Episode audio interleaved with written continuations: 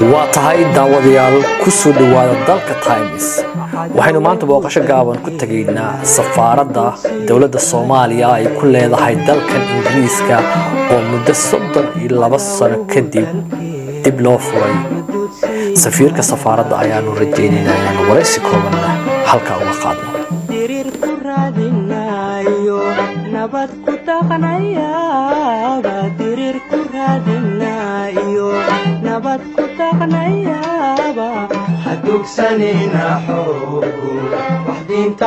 sacad safiir marka hore ku soo dhawo warbaahinta dalka times. Magacaygu waa kamaal xasan maanta waxaad xariga ka jirteen safaaradda soomaaliya ee dalkan britain gaar ahaan magaalada london.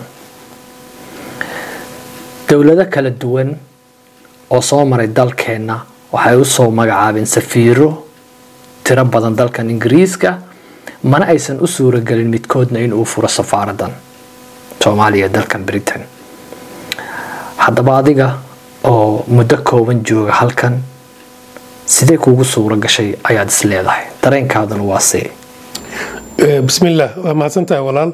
Runtii waa aadan ugu faraxsannahay maanta inay noo suura gashay inaan qabanno xafladii dahfurka hore ee safaaradda soomaaliya ee wadanka ingiriiska ama u k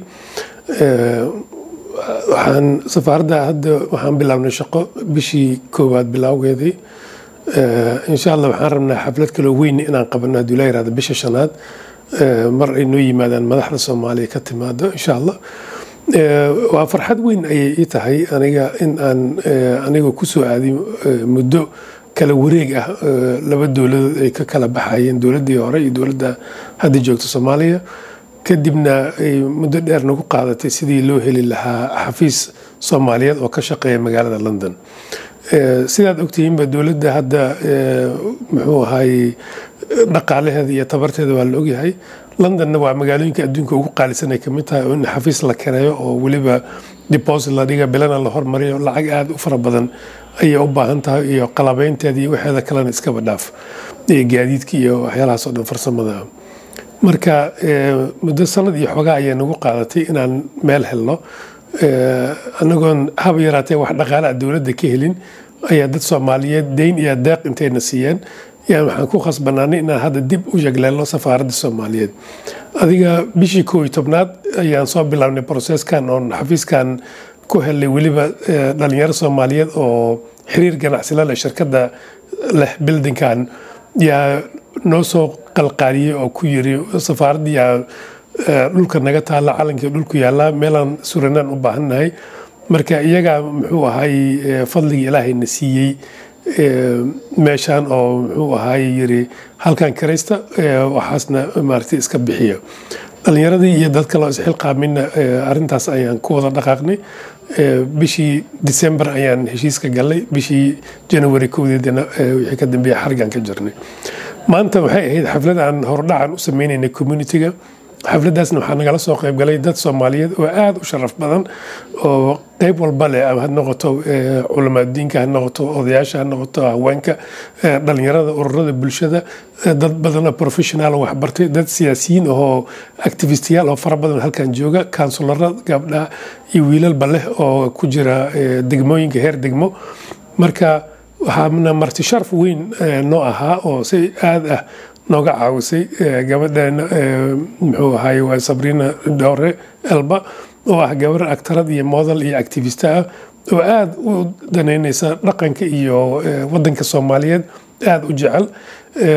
Muxuu ahaay iyadaana noo soo casumtay walaalaheena kaloo nagala soo qaybgalay oo ka mid yahay seer moo faarax orodyahanka soomaaliyeed oo aada loo yaqaano meel walba u maray adduunka iyo laba gabdhood oo aada iyagana loo yaqaano oo muxuu ahay maasha allah ah ikraan cabdi iyo kowsar cali ikraan oo ah model aada looga yaqaano adduunka iyo kowsar cali oo ah actorad dadkaas sharafta badan ayaa nagu soo maamuusay maanta inay nagala soo qayb galaan xafladda furitaanka oo muxuu ahay rabni inaan xariga ka jarro halkan marka bulshada soomaaliyeedna runtii aada ayay u yimaadeen maanta oo waxay u ahayd farxad aan la soo koobi karin. Dhalinyaro fara badan oo markay banaanka istaageen sawiro la galaayay iyo calankiioo ka babanaya dhismaan hadda aan joogno dushiisa oy maantao dhan iyada hawada qurux badan tahay banaanka maadaama sani tahay calankii cawaalo halkaas ka babana markay arkeen muxuu ahay dad badana emotional noqday runtii haddaan idin cabiro annagana waxay noo ahayd sharaf weyn in aan maanta anagoo isku tashanay lugahayna ku istaagnay issharafnay dadkii macruufka ahaa oo bulshada magac ku lahaa noo yimideen na soo sharfeen dad badan oo muxuu ahay ayagana mas'uuliin ama soo noqday ama hadda qaar ahna nagala soo qayb galeen. Waxay noo ahayd runtii aniga iyo ku-xigeenka safiirka tayib. Sharaf weyn ayay noo ahayd in maanta arrintan ay taaba gashay. Waxaana rajaynaa insha allah mustaqbalka mar haddii albaabkan la furay inaanu mar dambe xirmin insha allah mudane ambasadore waa mahadsan tahay waxaan rabaa inaan ku weydiiyo su'aal kale oo ah sidee u arkaan ama maxay faa-iido u leedahay dadka soomaaliyeed ee ku nool dalkan ingiriiska magaalooyinkiisa kala duwan? Faa-iida dhinacay ayay u leedahay in safaarad loo furo? Mahadsan tahay faa-iidooyin badan ay u leedahay runtii ummadda soomaaliyeed ee halkan degan waa ummadda ugu badan oo waddamada reer galbeedka degan oo soomaaliya wadan ay degan yihiin wadanka ingiriiska waayo dhowr boqol oo kun oo qof ayaa lagu qiyaasaa. In bulsho noocaas oo kale ah aanay lahayn hay'ad dowladeed oo matasha taas yaaba ceeb nagu ah kulligeen oo ay qaadato muddo soddon sano ka badana inaan maanta safaarad aan ka yeelana halkaan. Safaaraddana waxyaalo fara badan ayay la qaban kartaa bulshada soomaaliya. Safaaradda waa marka hore waa meesha keliya oo matasha dowladda soomaaliyeed oo runta iyo shacabka soomaaliyeed ee halkan jooga. Safaaraddana waxyaalaha khadamaad fara badan iyo dadka way sugi laayeen runtii in safaarad halkan laga furo dad badanaa u ololeeyay dad badanaa ka galay muxuu ahay miidiyaha iyo meel walba. Madaxda markay timaada qabsan jiray oo jiray ilaa ilaa wax kale kaama rabna madaxweyne safaarad noo furo. Sababtay u rabeenna wax kale ma aha. Waxay rabeen in halkan ay ka helaan adeegii rasmiga ahaa oo u baahnaayeen matalaadii ay u baahnaayeen iyo waxyaalihii kale oo protectionka ay safaaradda siin kartay ay u baahnaayeen. Marka sidaas daraaddeed dadka soomaaliyeed halkan jooga qofka ugu yar oo baasaboor u baahan ma maleynaysa siduu ugu xaniban yahay hadda wadankan dhalinyaro badan yaa noo timid oo leh maanta servicekii baasaboorka ma bilaawdeen. Annagana weli ma bilaabin waa cusubnahay wuxuu u baahaya serviceka qalab iyo technician iyo waqti in la geliyo. Marka maanta markii la safaaradda waa la furaa ja waxay saf u soo galeen dhaheen baasaboorkiina siiya. Oo maxaa dhacay sharcigii uga xaniban inay baasaboorkii helaan. Qaar waxay rabaan inay safraan qaar waxay rabaan inay muxuu ahaayey sharcigii rasmiga ah loogu dhufto loo saaro marka baasaboorka oo ah waxa ugu yar yaa sida ma maleynaysid dadkii ay ugu dhibaataysan yihiin. Maadaama ingiriis uu ka baxay midooda yurub dadka uma safri karaan aan citizenka haysan ama dhalashada uma safri karaan waddamada kale ee yurub. Si ay baasaboor uga soo qaataan. Laakiin haddaan halkan ka yigleelo safaaradda soomaaliyeed oon baasaboorka halkan u keenno waxyaalaha ugu muhiimsan oo adeega loo qaban karo ayuu ka mid yahay waa tahay safiir aada u mahadsan tahay waxaan rabaa oo kale inaan ku weydiiyo dad badan oo soomaaliyeed ku nool dalkan ingiriiska. Waxaa la sheegaa in dhalinyaro badan ay xabsiyada ku jiraan. Dowladaha soomaaliya iyo ingiriiskana xiriir wanaagsan ayaa maaragtay ka dhexeeya sidee kuula muuqataa in dhalinyaradaas xabsiyada ku jiro haddii ay jiraan in kuwa la caawiyo ama dalkii inay ku noqdaan ama xuquuqaadkooda gaarka in loo soo dhiciyo arintaas safaaradu kaalin noocay ka qaadan kartaa is leedahay? Waa runtaa waa su'aal aada u fiican. Arintaas waxyaalaha waxay ka mid tahay ugu muhiimsan oo rabna inaan qabanno. Annagoon hadda safaaradda weli furan oo weli ku jirnaa geedi socodkeedii anigii ku-xigeenkaba waxaa noo suura gashay inaan tagno xabsi ku yaalla magaalada london oo dhalinyaro badan oo soomaali ay ku xiran yihiin. Dhalinyaradii naloo beleymeymayo kuwo kaloo fara badan yaan aragnay maalintaas. Annagana waxay noo ahayd aqoon runtii kororsi weyn iyo indhafur ayay noo ahayd. Sababtaa waxaan soo aragnay dhibaatooda ay ku jiraan dhalinyarada soomaaliyeed ee xabsiyada ka buuxda qaar waxay ku xukuman yihiin sanado badan qaar waxay ku xukuman yihiin sanado yar qaarna weli lama xukumin. Kuwa waxay u kala qaybsan yihiin qof walba wuxuu leeyahay duruuf gooni ah. Kuwa marka weli ayagoon qaadanin dhalashadii wadanka ingiriiska yaa dembi lagu helay. Kaasoo kale waxaa waajib ku ah in wadanka laga saaro. Kaas anaga maadaama uu yahay weli somaali citizen oo soomaali dhalashadeeda haysto waa ku khasbannahay inaan caawino sidii wadanka ugu noqon lahaa. Kii xabsiga dhammaystay ahlan wasahlan waxaan siinaynaa warqadda uu ku dhoofi lahaa ama baasaboorka uu ku dhoofi lahaa. Kii aan dhammaysanin oo raba inuu soomaaliya ku noqdo oo sanado soddon sano ku xukuma ama dhowr labaatan sano ku xukuman oo raba. Iyagana waxaan rabnaa inaan ka howlgalno sidii loo caawin lahaa. Waalidiin badanaa nala soo xiriiray maalintii markay naga arkeen miidiya oo yiri xabsigaa tagteen maxaad ila qaban kartiin? Waxaan ihi anaga hadda meesha waxaan u nimid horta inaan dhegaysano dhallinyaradan waxyaalay u baahan yihiin caqabadaha haysta maxay tahay? Safaaraddii markii la mid walba waa nagu soo orday waxay u malaynayeen inaan anaga nahayba looyarkoodii oo kale oo sharcigii intaan qabanno aan kala saari karno. Marka waa u sheegna waxaan ku rinaa anaga waxaan matalaa dowlad soomaaliyeed. Waxaa jira waxyaalo aan idinla qaban karno oo ah waxyaalaha ku saabsan xuquuqdiina xagga muwaadin soomaaliyeed. Laakiin arrimaha sharciga oo wadankan ama dembiga wadankan ka jira anaga uma nihin qarino oo maaragtay arrintaas wax kama geli karno laakiin wax kasta oo adiga sidaada kale xuquuqdaada lagu xadgudbi kara waa kaa caawin karaa arrimahaasna waa u sharaxnay dhalinyaro marka waalidiinta badan waxay codsanayeen in dhalinyaradaas inta la qaado lagu xabsigooda loogu bedelo inay soomaaliya ku soo dhammaystaan. Taasna waxay ku imaan kartaa oo keli ah in la helo heshiis labada dowladood ay galaan ingiriiska iyo soomaaliya oo qofka inta xabsigiisa halkan laga qaado xagga loogu dhammaystiro sida keliya taas lagu samayn karana waxay tahay in aan heshiiskaas dardar gelino. Waana waxyaalaha ugu muhiimsan oo rabna hadda inaan bilaabno markaan safaaradda cagaha u dhigno insha allah. Waa mahadsantahay mudane ambasador cabdulqaadir su'aasha kale aan raba in ku weydiiyo waxay tahay haddii suuragal tahay.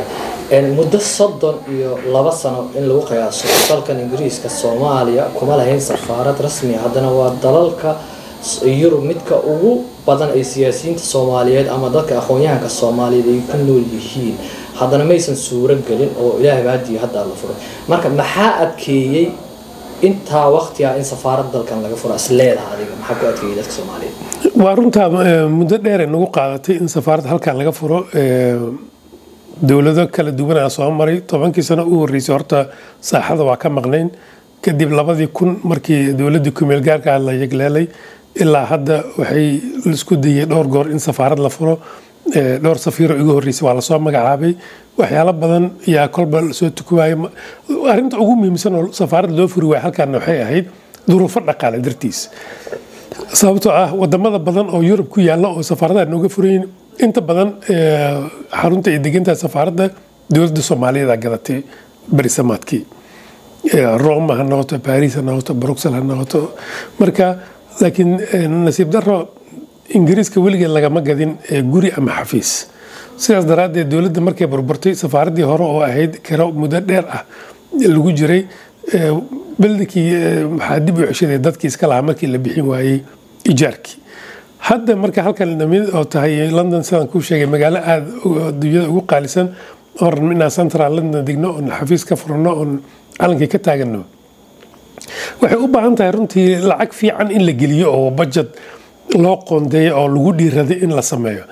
Waa run safaarado la furay waa jiraan sida safaaradda washington oo kale oo weliba waxaa loo gaday kii xafiis dhowr milyan looga bixiyey. Sababtan waxay ahayd waa lagu dhiiraday markaas xogaa indhaha la qabtay.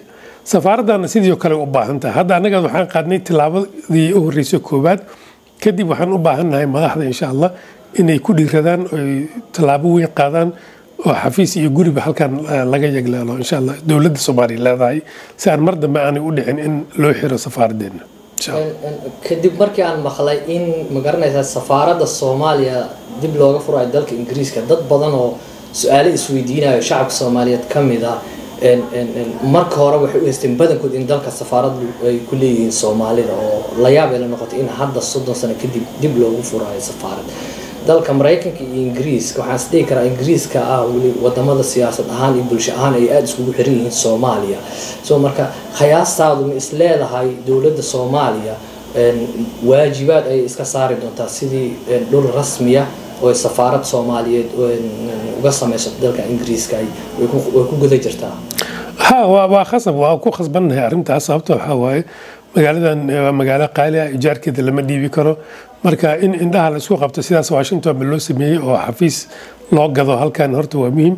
Kadibna lagu xujiyo guri deegaan u ah safiirka uu dego. Sababtan saas u leeyahayna waxaa waaye maanta waxa aan ka bixinayno toban sano kadib halkaas ma taagnaanayo qiimaha. Annagana tobankan sano waxaan ahaanaynaa dad bil walba intaasoo kun oo pound dhiibay oo lacagtaas ay ka maqan tahay marka marka ugu horreysoo la heli karo lacag isku duuban inta la dhigo xataa haddii la rabo tartiib tartiib ha loo bixiyo ama si kale ha loo bixiyo yay muhiim u tahay in la sameeyo. Sababtoo ah soomaalida saan kuu sheegay halkan waa soomaali aada u fara badanaa degan waxaan u baahannahay inay noqoto safaaraddan safaarada ugu muhiimsan uguna weyn oo mujtamaca dowladda soomaaliya ay ku leedahay adduunka maadaama ay jaaliyadda halkan degan tahay ay aada u ballaaran tahay. Taas keliya ma aha annaga waddankan ingiriiska ahmiyad weyn ayuu noo leeyahay maadaama uu yahay waddan taariikh hore ka dhexaysay soomaaliya. Waddan taariikh hadda xiriir aada u fiican aan la leenahay taakulayn fara badan soomaaliya geliya. Dowladda ugu horreysa reer galbeed oo ku dhiiratay inay xamar safaarad ka furato waxay ahayd dowladda ingiriiska kii waadna garan kartaa iyadoo waqtigaas xamar qof ku dhiirada ay aada u adkeyd in ingiriiska ay tallaabadaas intay qaadeen ay safaarad ka asaaseen halkaas. Marka sidaas daraaddeed dowladdana waa ka go-an tahay. Madaxweynaha halkan uu noogu yimid bishii sagaalaad madaxweyne xasan sheekh maxamuud. Waana uu arkay annagoo aan safaarad halkan ku lahayn rasmi ah ayaa waxaan u sameynay soo dhoweyn hab maamuuskeeda aada u sarreeyo markii uu yimid tacsidii boqoradda taasna maxamed madaxweynaha aada ayuu noogu bogaadiyey uu yiri runtii ma filaynin in aad abaabuli kartiin hab maamuuskan waana u sheegnay waxaan ku yiri madaxweyne annagoon safaarad lahayn haddaan saas samaynay maxaad u malaynaysaa markaad safaarad yeelano iyo dadkeedii staafkeedii iyo gaadiidkeedii? Soo dhoweynta lagu samayn doono waad garan kartaan ku iri